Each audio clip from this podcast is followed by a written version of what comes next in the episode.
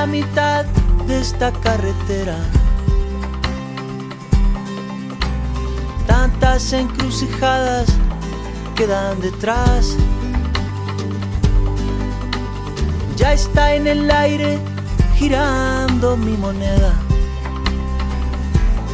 Y que sea lo que sea. Todos los altibajos de la marea. Todos los sarampiones que ya pasé. Yo llevo tu sonrisa como bandera y que sea lo que sea, lo que tenga que ser, que sea, y lo que no, por algo será. No creo en la eternidad de las peleas, ni en las recetas de la felicidad. Cuando pasen recibo mis primaveras la suerte esté echada a descansar. Yo miraré tu foto en mi billetera y que sea lo que sea. Que sea lo que sea, canta Jorge Dressler en este tema que se titula así, Sea, y forma parte del espíritu de un largo recorrido que ha hecho nuestra invitada. Nuestra invitada es Paula Muga Ellacuría, que se ha ido desde Hong Kong hasta Bilbao, en parte en autostop. Un viaje que realizó durante 10 meses en solitario. Estamos con Paula Muga Ellacuría. ¿Qué tal estás? Buenas noches, Roge. Buenas noches, Gabón. Paula, pues sí, que te fuiste a Hong Kong, ahí estabas becada por la Cámara de Comercio Española terminaste el contrato y decidiste regresar a tierra a Bilbao. Fue así como un impulso, ¿no? Además lo hiciste con la mochila, te cogiste la mochila, la que ibas supongo igual todos los días al trabajo, pero dijiste, no se me acaba el contrato, pues me, me voy para Bilbao. Exactamente, bueno, yo la maleta que tenía llena de ropa, viviendo en Hong Kong, eh, la regalé, le di toda mi ropa a mis amigas y me acuerdo, mi compañero de piso me trajo una mochila que encontró en la basura, de hecho, ¿Ah, sí? una mochila chiquitita y me dijo, toma, esta es para tu viaje. Y ahí me fui con cuatro, cuatro mudas y un pantalón. ¿Cómo era tu vida en Hong Kong? Pues un frenesí, la verdad. Hong Kong, sí, cualquier persona que ha estado sabe que va todo muy rápido, todos son negocios, negocios. eh, pero bueno, yo intentaba todas las mañanas, salía de la ciudad, me iba a la playa, me bañaba ahí con, con las señoras mayoras, mayores y me, me iba a trabajar a la oficina. Trabajabas en la oficina, pero luego también trabajabas en un bar. Sí, porque yo decía, yo después de Hong Kong me voy de viaje, entonces digo, tengo que ahorrar. Así que eso, todas las tardes después de la oficina me iba de camarera. Pero ¿sabías cuál, cuál iba a ser el destino? O sea, ¿ya tenías preparado volver hasta Bilbao por. Un tierra? poco, sí. Yo, o sea, eh, dos años antes estuve un año viviendo en Seúl, Corea del, del Sur, y bueno, ahí yo vi el mapa. Sí, y porque allí dije, estuviste estudiando en Estuve Corea del estudiando, Sur. eso es, tercero de carrera. Tercero de carrera porque has estudiado publicidad. Exactamente. Y ahí vi el mapa y dije, pero si se puede volver por tierra, ¿qué, qué avión? Ni qué avión, 12 horas sentadas en un avión, qué aburrido. Yo me vuelvo por tierra. Pero esa vez no lo hice, así que ya en Hong Kong dije, pues ahora esta es la mía. ahora sí. Qué aburrido volver en un avión, pero claro, es que por tierra también está muy lejos Bilbao, ¿no? A Desde ver, más Hong Kong. divertido, ¿no? más colorido por tierra. Sí. Cuando llegaste a Hong Kong tenías 22 años. Eso es, exactamente. O sea que bueno, que tenías todo el mundo para ti, una edad perfecta pues, para, para comerte el mundo. Te crees invencible. Además, me acuerdo en Corea, eh, fue la primera vez que hice autostop en serio y fue porque yo estaba en el sur de- del país y casi no me quedaba dinero y yo tenía un lapicero súper pequeñito. Y con ese lapicero y dos amigas nos dimos toda la vuelta a la península. Y fue una sensación de libertad, de somos invencibles, de podemos lograr lo que queramos, que ya el autostop se me ha quedado dentro. Entonces, cuando estás en Hong Kong, dices, bueno, me voy por tierra a Bilbao porque en avión es muy aburrido. Sí. Pero claro, ¿tenías planeado por dónde ibas a ir? ¿Cuánto te iba a llevar tiempo? Porque, bueno, si planeas que vas en autostop, vete a saber, ¿no? Igual Sí, no, puede la pasar verdad. el tiempo y... No planeé absolutamente nada, un poco, pues eso, a, a una semana vista. O sea, decía, bueno, pues la semana primera, pues voy a ir a esta comunidad en China que oí hablar de ella, tal. Bueno, y luego ya, ya iré viendo. Y por el camino la gente te va diciendo, pues tienes que ir aquí, tienes que ir allá, o tú acabas en un sitio de milagro, y así, poco a poco. Que sea lo que sea. Exactamente, como dice Jorge. Sí, y entonces, bueno, pues te fuiste con esa mochila pequeñita, con poco equipaje Muy entonces. poco, sí. Básicamente, yo digo, el truco para la gente, si alguien lo quiere hacer, es llevar cosas que necesitas para una semana, porque ya lo vas limpiando. Bueno, también un truco es llevar eh, aguja e hilo para ir cosiendo las cosas que vas rompiendo y luego, si el clima va cambiando, pues, eh, por ejemplo, intercambiar cosas con otros viajeros. Si alguien va, tú vas al norte, al frío, y alguien va al sur, pues mira, yo te doy estas, yo qué sé, estas bermudas y tú me das este abrigo, cosas así. Es curioso porque te montaste, te subiste al, al metro, Sí. saliste de Hong Kong, ya te metiste en lo que es el interior de China, Ajá. En un transporte público y tan habitual como es el metro, y luego cuando llegaste al final a Durango, Ajá. el último autostopista, bueno, el último coche que te cogió en autostop, te llevó a Durango y luego te fuiste también con la Baric, ¿no? Sí, tal en cual. un autobús Sí, hasta casa. Después de 10 meses en, en haciendo autostop, llego a Francia, a Biarritz y digo, venga, ya hoy llego a casa, como me llamo Paula. Y fue como muy accidentado ese autostop, como que me costaba bastante, se estaba haciendo de noche y digo, venga, ya, ¿dónde estoy? Le pregunté al señor, Caviera, ¿dónde estamos? Y me dijo, en Durango. Y yo, mira, y nunca había estado en Durango yo. Digo, mira, qué bien.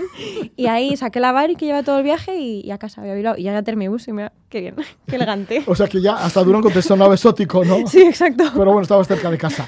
Pues vayamos un poco por ese recorrido. Entonces sales con el metro de Hong Kong, te encuentras ya en el interior de China y ¿hacia dónde te vas? O sea, bueno, Guangzhou seguía hacia el norte de China, creo que es Sichuan. Eh, luego, via- no, sí, Sichuan. Sí, luego Yunnan, ¿no? El- la región de Yunnan, Dali y tal. em, crucé a Laos, Tailandia, Malasia, volé a Sri Lanka para ver a mi hermana. Ahí hice trampas, cogí un avión. luego, porque, bueno, Sri Lanka es una isla. eh, salí de Sri Lanka a Nepal. Luego crucé a India.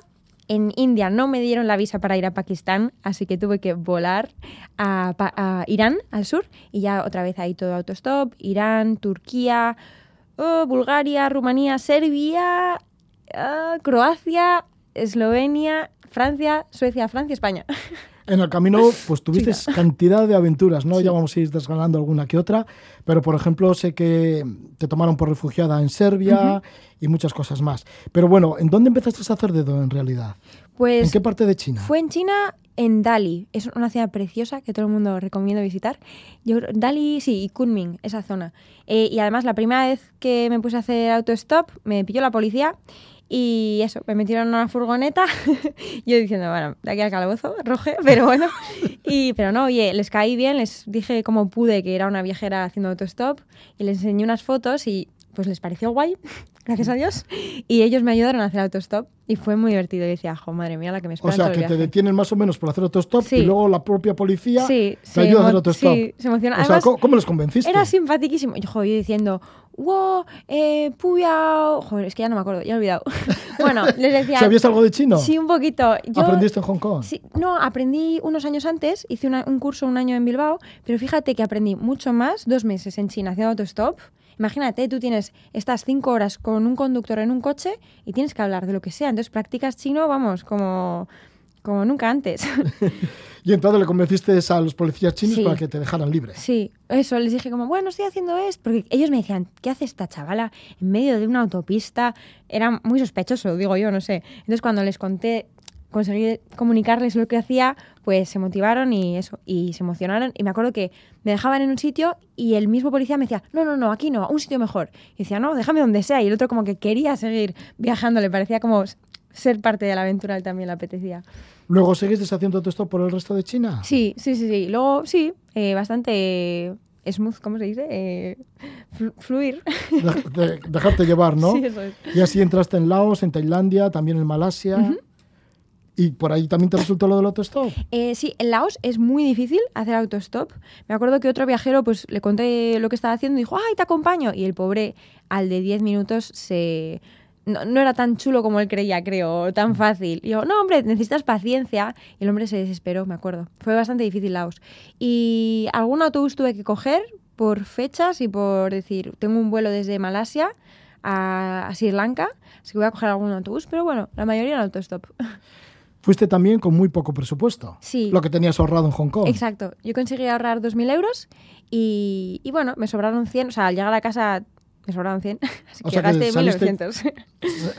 Saliste con 2.000 euros y encima, o sea, que, que te llegó, pero que muy bien. sí, Y luego, una vez que llegaste a Tailandia y Malasia, es cuando volaste a Sri Lanka. sí, eso es.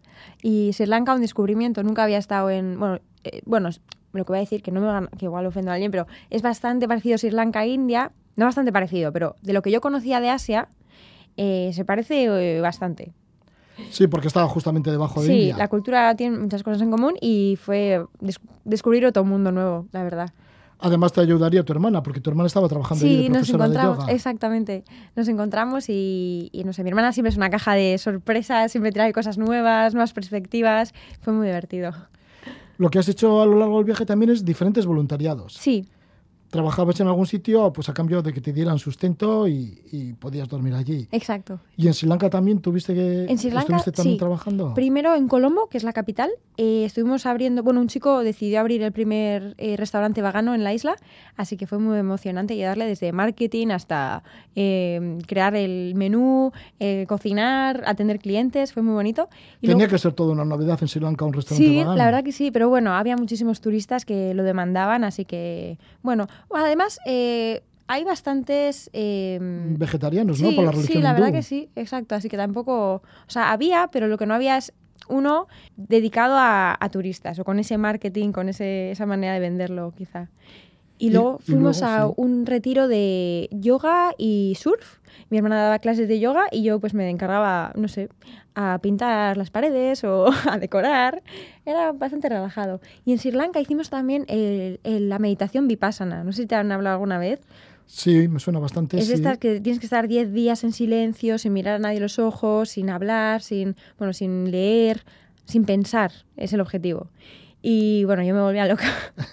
me volví loca. Yo cogía los Claro, vasos... porque para ti estar en silencio igual es difícil, ¿no? Sí, un poco. y yo cogía el vaso de agua que era de metal, bebía y me miraba a, lo- a mí misma a los ojos porque necesitaba como contacto visual con la gente. Sí. Yo, yo me, me perturbé ahí.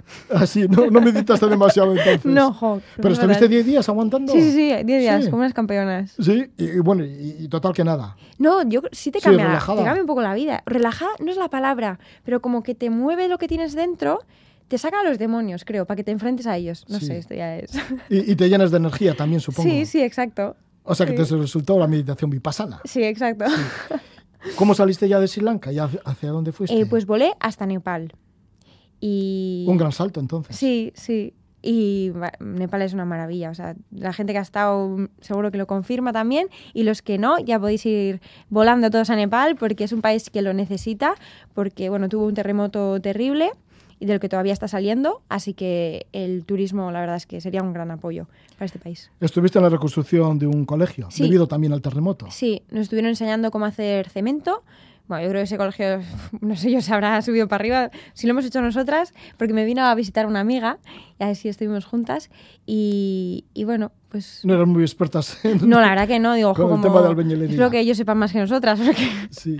Y luego también estuviste en una recolecta de mi hijo. Sí, una señora nos llevó al pueblo de su madre, que ni siquiera sale en el mapa. Y bueno, qué bonito fue Rojo, y porque le digo a una niña, ay, ¿en qué año has nacido? Para practicar inglés, ¿no? Con la niña. Y me dice, en mil, ¿cómo me dijo? 1965, no, perdona, 2065.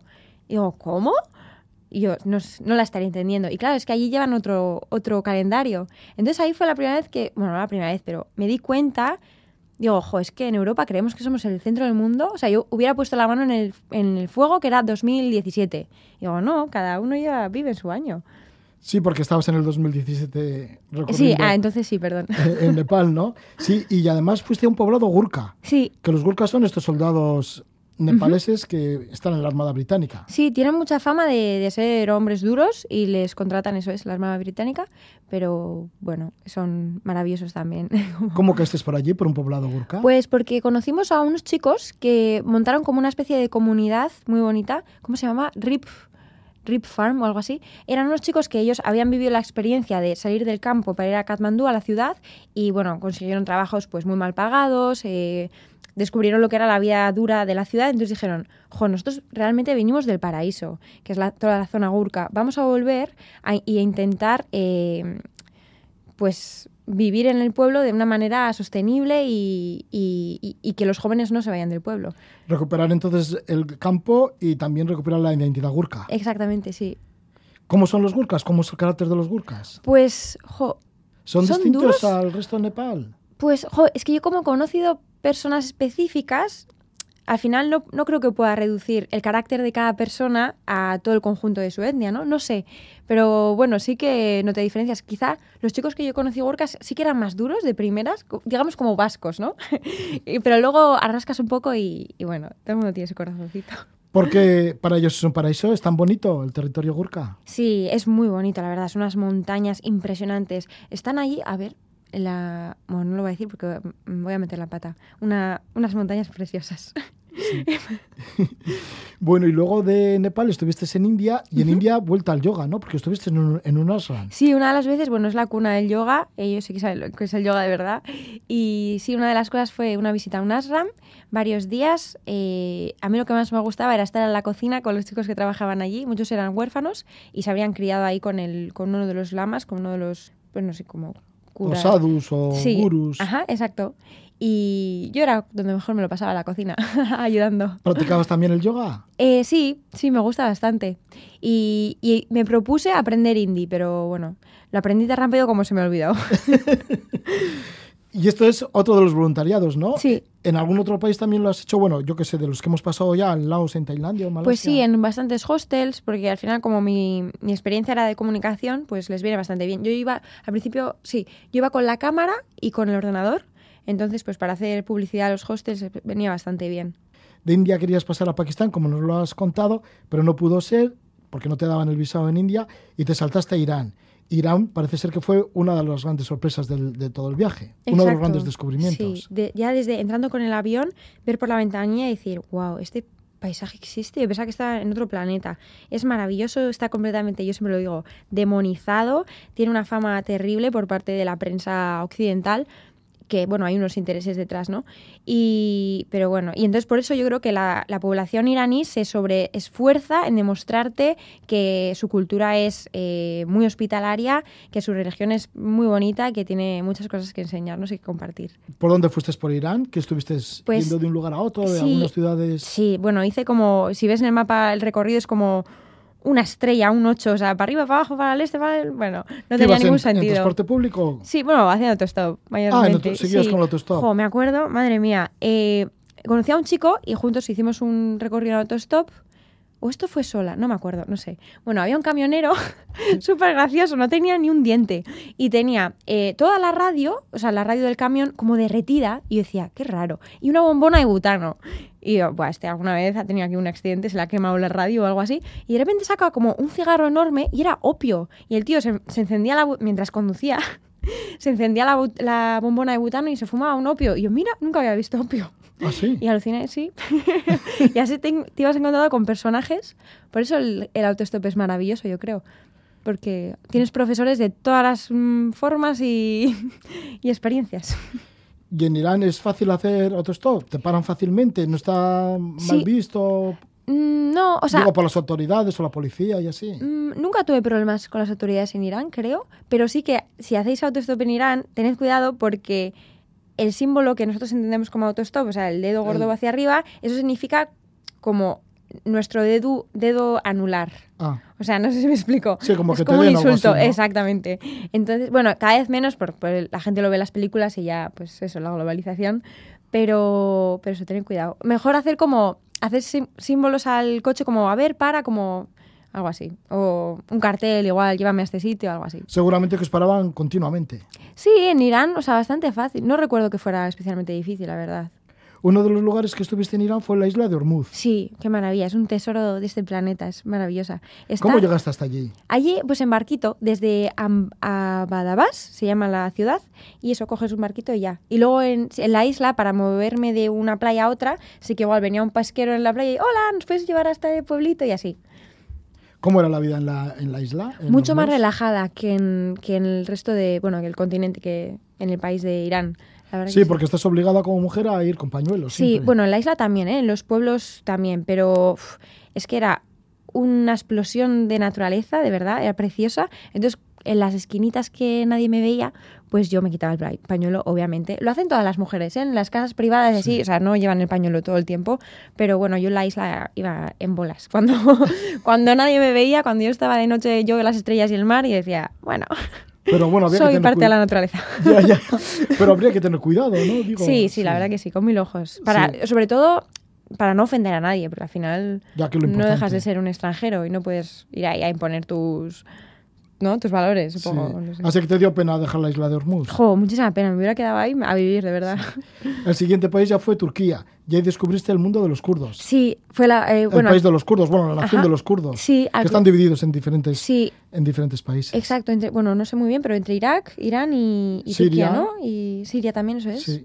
Sí, y ahí descubrí, pues eso, yo había leído, pues como todo el mundo, las noticias, ¿no? Un poco la historia, pues sesgada, y escuché historias en primera mano de gente que había visto cómo em, el ejército turco había destruido sus casas. Me acuerdo de un chico que decía, jo, es que se lo cuento a mi novia, que es de Estambul, y ella no me cree. Y ella dice, ¿cómo va a hacer eso el gobierno? Y decía, que sí, de verdad, bueno. Y eso, pues están totalmente... Eh, marginados y, son bastante abusones con los kurdos, la verdad. Sí, bueno, que están, sí, con bastante represión. Hacia el pueblo kurdo, porque estuviste por la zona del lago Van. Eso es, sí, precioso. Yo les decía, soy vasca, bueno, que yo no soy vasca, canaria, un poco de todo, una mezcla. Sí, porque naciste en Tenerife. Sí, eso es. Pero, de pero es que los de Bilbao nacemos donde sea, sí, donde queremos. Y me decían, ¡ay, vasca, vasca! Y me, me llevaban por ahí como si fuera un orgullo tienen muchísima conexión con, el, con los vascos. Estuviste acercándote también por la frontera de Siria. Exacto, y por esa zona eh, yo cuando estuve... Es una zona muy conflictiva, exacto, está la guerra ahí. Exacto, y se notaba muchísima, muchísima tensión con todo el ejército, con... Bueno, eso, no, era un momento muy bueno. Y... Entonces, ¿por qué te asomaste por allí? pues eso, la curiosidad y, y, la insensatez, supongo. Pero es que, claro, no sé, me atrae eso. Verlo, ¿no? Con tus propios ojos y escucharlo de primera mano. ¿Qué te sucedió cuando te acercaste por allí? Porque parece ser que los soldados no estaban para demasiadas bromas. Sí, varias cosas. Bueno, uno, me acuerdo en el pueblo de Mardin, que es un pueblo también precioso, eh, vinieron los de varios soldados, como al principio como, no, tú no puedes... O sea, me montaron un teatro, como que yo no podía estar en una zona, que por eso tenía que, eh, me tenían que acompañar a mi hotel y bueno, lo que querían ellos era, pues eso, venir al hotel conmigo y, yo me escapé pues como pude. Y después... Em, eh, bueno, todo el mundo me dijo, por favor, no hagas autostop aquí, por favor, por favor. Y me lo dijeron gente muy experimentada en autostop, entonces dije, bueno, pues tengo que escucharles. Pero yo tonta, bueno, una mañana eh, yo tenía que ir, pues nada, imagínate, pues un kilómetro, ¿no? A una estación de autobús. Y para un coche un chico de mi edad y me dijo, venga, que te, te llevo ahí a, Si es un kilómetro. Y dije, bueno, estoy en un pueblo pequeño, son las 12 de la mañana, vale, no va a pasar nada. Y me monté y bueno, y el chico ya hizo la señal eh, horrorosa de tocarte el muslo, como que no quiere la cosa, eso ya te tienes que alarmar y decir, sal del coche. O sea, si haces autostop y te tocan el muslo, sal del coche. Y, y bueno, y entonces ese chico pues intentó abusar, conseguí salir, conseguí sacarle fotos a la matrícula, eh, él se asustó y se fue, gracias a Dios, y fui a la policía, se lo conté y la policía se empezó a reír de mí. Y eso fue lo que más me dolió, yo creo, ¿no? Que sentirte que ni siquiera la, administración, las autoridades, las instituciones te protegen. Y bueno, al final vino el chico que me había estado acogiendo anteriormente, vino a ayudarme, eh, les conté lo que había pasado a otros agentes y bueno, me montaron un teatro, me dijeron, bueno, sí, no te preocupes, ya le tenemos, tal y cual. Y luego cuando salimos de la, de la comisaría, me dijo mi amigo Paula, este chico es el sicario de la policía trabaja para ellos y cuando hay que deshacerse un kurdo, eh, llaman a este chico. O sea que no va a pasar nada, este va a salir totalmente inmune y has tenido mucha suerte. ¿Estabas entonces con un asesino? Sí, pues sí. Nunca lo, había, nunca lo había verbalizado así, pero sí, la verdad que sí. ¿Y cómo saliste del coche? ¿Cómo hiciste que parara? Pues eh, él paró, bueno, yo le dije todo el rato, para, para, para, para el coche, porque empezó a hacer comentarios muy lascivos. Y en el momento que salió, yo ya hice como, yo ya le dije, claro, ¿no? Me salgo del coche, estoy enfadada, no puede ser. Y el chico me agarró, de las partes que quiso y yo le medio metí un puñetazo pero con un tortazo muy chungo y el otro como de lo cutre que fue el tortazo pues se quedó como medio impactado como ¿qué ha sido eso? Y yo cogí mis cosas y me salí. Y otra cosa, si haces autostop lleva siempre una riñonera con lo que más importa, pues el pasaporte y tu dinero y ya está, básicamente. Y si hay que dejar la mochila en el coche de quien sea, la dejas. O sea, ¿qué más da? Que se lleven cuatro bragas sucias, pues que se las lleven. Pero primero tu seguridad y eso. obviamente. ¿no? Así que, bueno, de la frontera de Turquía con Siria saliste hacia Bulgaria, Rumanía, Serbia, pero ya en parte te fuiste en, auto- en autobús. Eh, bueno, allí los... eh, es, de esa vez los policías me dijeron, bueno, per- perdón, como muestra de, de que... Para que veas que... Sí, o- pues te vamos a pagar un autobús. Y, y entonces me pagaron un autobús, fui hasta... Hasta, Tur- hasta, mm, hasta Estambul, pero luego seguí haciendo autostop, la verdad. Fue por, como yo dije, ya de aquí voy en autobús hasta casa, pero me perdí o no sé por qué y dije, mira, el camino me está diciendo que vuelva a confiar. Y así pues volví a hacer autostop. Ya hasta que llegó Serbia. Sí. Que también te dijeron, te advirtieron, no hagas autostop en Serbia. Sí, me dijeron, no hagas autostop. El chico que me estaba cogiendo en, en, Belgrado, sí, em, me dijo, por favor, no hagas autostop. Y yo, que sí, que sí. Dice, no te va a coger nadie, porque esto es una zona en la que están llegando todos los refugiados, quieren entrar a, a Europa y, y nadie se va a fiar de ti. Y yo, que sí, que sí. Bueno, entonces me puse a hacer autostop aquel día. eh, empezó a nevar, empezó a nevar, empezó a caer una tormenta de nieve. Yo acabé, pues eh, un chico me cogió, otra vez el señor intentó, pues no sé, agarrarme, consi- conseguí salir del coche, él gracias a Dios salió. No sé. ¿Cómo lo hiciste esta, esta vez también? Pues él, eh, porque claro, mientras conducen, o sea, si sus intenciones son malas, también quiero decir, o sea, que igual he cogido, no sé, mil coches. Entonces las malas experiencias han sido tres. Que, o sea, totalmente de sobra esas experiencias, o sea, ojalá no los hubiera vivido, pero quiero decir que la gente no se piense que, esto es la norma. O sea, la norma es maravillosidad y, fantasía. Pero bueno, y este chico, pues eso, paró el coche, porque claro, mientras conducen no pueden abusar de ti, entonces paró el coche y ahí pues conseguí salir. Y es que no me acuerdo, le pegó un empujón, no sé, le dejé claro que, que si quería hacerme algo, así iba a pasar canutas. Y, y salió, se fue, y entonces yo me vi envuelta en una tormenta blanco, blanco completo, no veía nada por ningún lado, eh, solo veía como 5 metros a mi izquierda y a la derecha la carretera que de repente aparecía un coche y desaparecía, zoom, aparecía y desaparecía.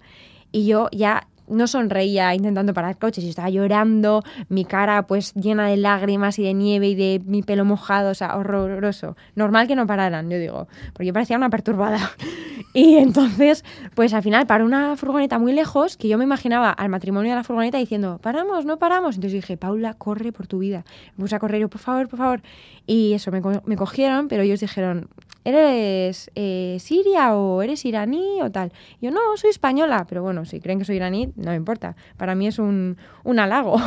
Y entonces no, no me quisieron, estábamos muy cerca de la, de la frontera Croacia, pero no quisieron cruzarme porque si las autoridades te pillan eh, cruzando a alguien sin papeles, ellos creían que yo no tenía papeles, eh, te meten a la cárcel. O bueno, o te cae una gorda. Entonces me dejaron en un pueblito en mitad de la nada. Yo intenté sacar un billete de autobús, eh, no pude, y yo ya estaba para ponerme a llorar. Y un señor me vio y me dijo, ¿estás bien? Eh, tranquila, te invito a un colacao. Y era un papá y su hijito argelinos, que ellos también estaban intentando cruzar. Y... Eran refugiados. Exactamente.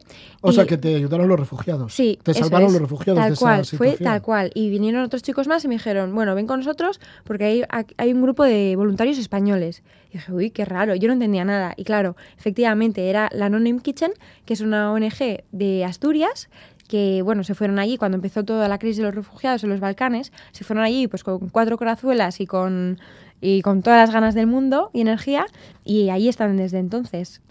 Que tiene que ser también una sorpresa después de haber pasado esa tormenta de nieve y, Sí. y verte envuelta en, en esas circunstancias tan difíciles que de repente aparezcan los de No Name Kitchen. Sí, yo creo Y que hablan los- castellano además. Sí, ¿no? de repente yo me llevan, mira, ven, me llevan donde una furgoneta y unas chicas repartiendo zapatos y me dicen en castellano, hola, y yo, opa, onda, qué cosa más rara. y, yo, y me dijeron eso, ¿de dónde vienes? Y yo, jo, pues de muy lejos. Y yo creo que al, principio tendrían que flipar y decir, ¿está de dónde se ha caído? Bueno, pues ahí estuviste con los de No Name Kitchen, con todos los refugiados, que Hmm. Sí. alguna vez les he entrevistado también aquí en el programa, a Bruno, que Sí, es qué el maravilla, sí, Ya un gente genio. magnífica, Mm. sí. Y luego, bueno, pues continuaste el camino por Eslovenia, por Italia, y se iban acercando las navidades. Sí. Y tuviste un accidente con otro que te Sí, llevaba en majo. autostop. Jo, paró un chico, un señor eh, inglés que conducía al otro lado y de repente entramos, eh, hay un paso, un túnel entre Italia y Francia, que cruza los Alpes. Entonces, justo al pasar, estaba toda la carretera llena de hielo. Entonces, el coche cogió velocidad, no tenía cadenas y empezó a girar como una peonza. Y yo, bueno, pues aquí ya acaba el camino, ya está. Y yo pensando como, vaya, el fin de... voy a acabar, bueno, en un accidente de coche. Y entonces nos chocábamos todo el rato con los Así que veías claro que llegaba a tu fin. Yo decía, este es el final. Sí, yo decía, ya está. O sea, hay menos 10 grados fuera y yo pensaba todo el rato, el coche se chocaba contra el quitamiedos y parecía que nos íbamos a caer al río. Y decía, hasta aquí. Y yo pensaba, jo, mi pobre padre, vaya susto. Y yo no paré de pensar eso. Al final el coche pegó un golpe seco, se paró salgo del coche y estaba toda la nieve roja. Y pensando, se ha muerto el señor y está desangrado. Y de repente le veo en su traje de baño, porque iba en traje de baño el señor, tan pichi. Pero como iba en traje de baño y estaba nevando. sí, exactamente. Porque él veía, venía del sur de Italia, o no sé. Es, era un personaje también. Bueno, italiano. Éramos un par de personajes. Sí, sí, sí. Y, y, eso, y era que como era Navidad, el señor tenía el coche lleno de botellas de vino y de panacota, el, el pastel este navideño italiano. Entonces pesaba tanto el coche que por eso nos caímos al, al, río. Y claro, la nieve estaba llena de vino. Yo, viva el vino y viva el milagro navideño. o sea que te. Y nada, ningún rasguño. Nada, nada. Bueno, sí, a mí me, me, dolía bastante el cuello, lo típico, ¿no? Y, y, la, y la espalda. Pero dije, mira, yo tiro para adelante. ¿Y el coche destrozado? Sí, el coche destrozado, pobre, pobre señor. Sí, y él se sentía fatal, me acuerdo, porque decía, joder, casi te mato por no llevar las, las cadenas. Y decía, no, hombre, no te preocupes, encima que se te ha destrozado el coche. Eh, pero bueno, y cogió y me compró un, un billete de tren a Francia y, ay, no, por favor, no, no, que no hace falta. Y otro, que sí, que sí, que sí, pobre hombre. Y ahora nos escribimos de vez en cuando, ¿qué tal las navidades? Bueno, pues fue las navidades, el milagro de las navidades, como dices, ¿no? Que te salvó. Y luego ya llegaste a Biarritz y de Biarritz a Durango. Bueno, de ahí no, llegué a Francia y entré a Suiza porque era el final del año sostenible en, en las Naciones Unidas. Entonces yo, pues, les escribí en plan, ah, pues estoy haciendo este viaje de manera sostenible. Me dijeron, ah, vente. Y ahí estuve en la ONU con ellos, en Ginebra, yo con mis pintas, con mis leggings llenas de agujeros me compré una camisa para la ocasión. o sea que un viaje lleno de sorpresas, lleno de aventuras. Mm. Todo esto porque decidiste cuando terminaste de la beca en Hong Kong, mm. decidiste volver a Bilbao por tierra, no en avión, que era un aburrimiento.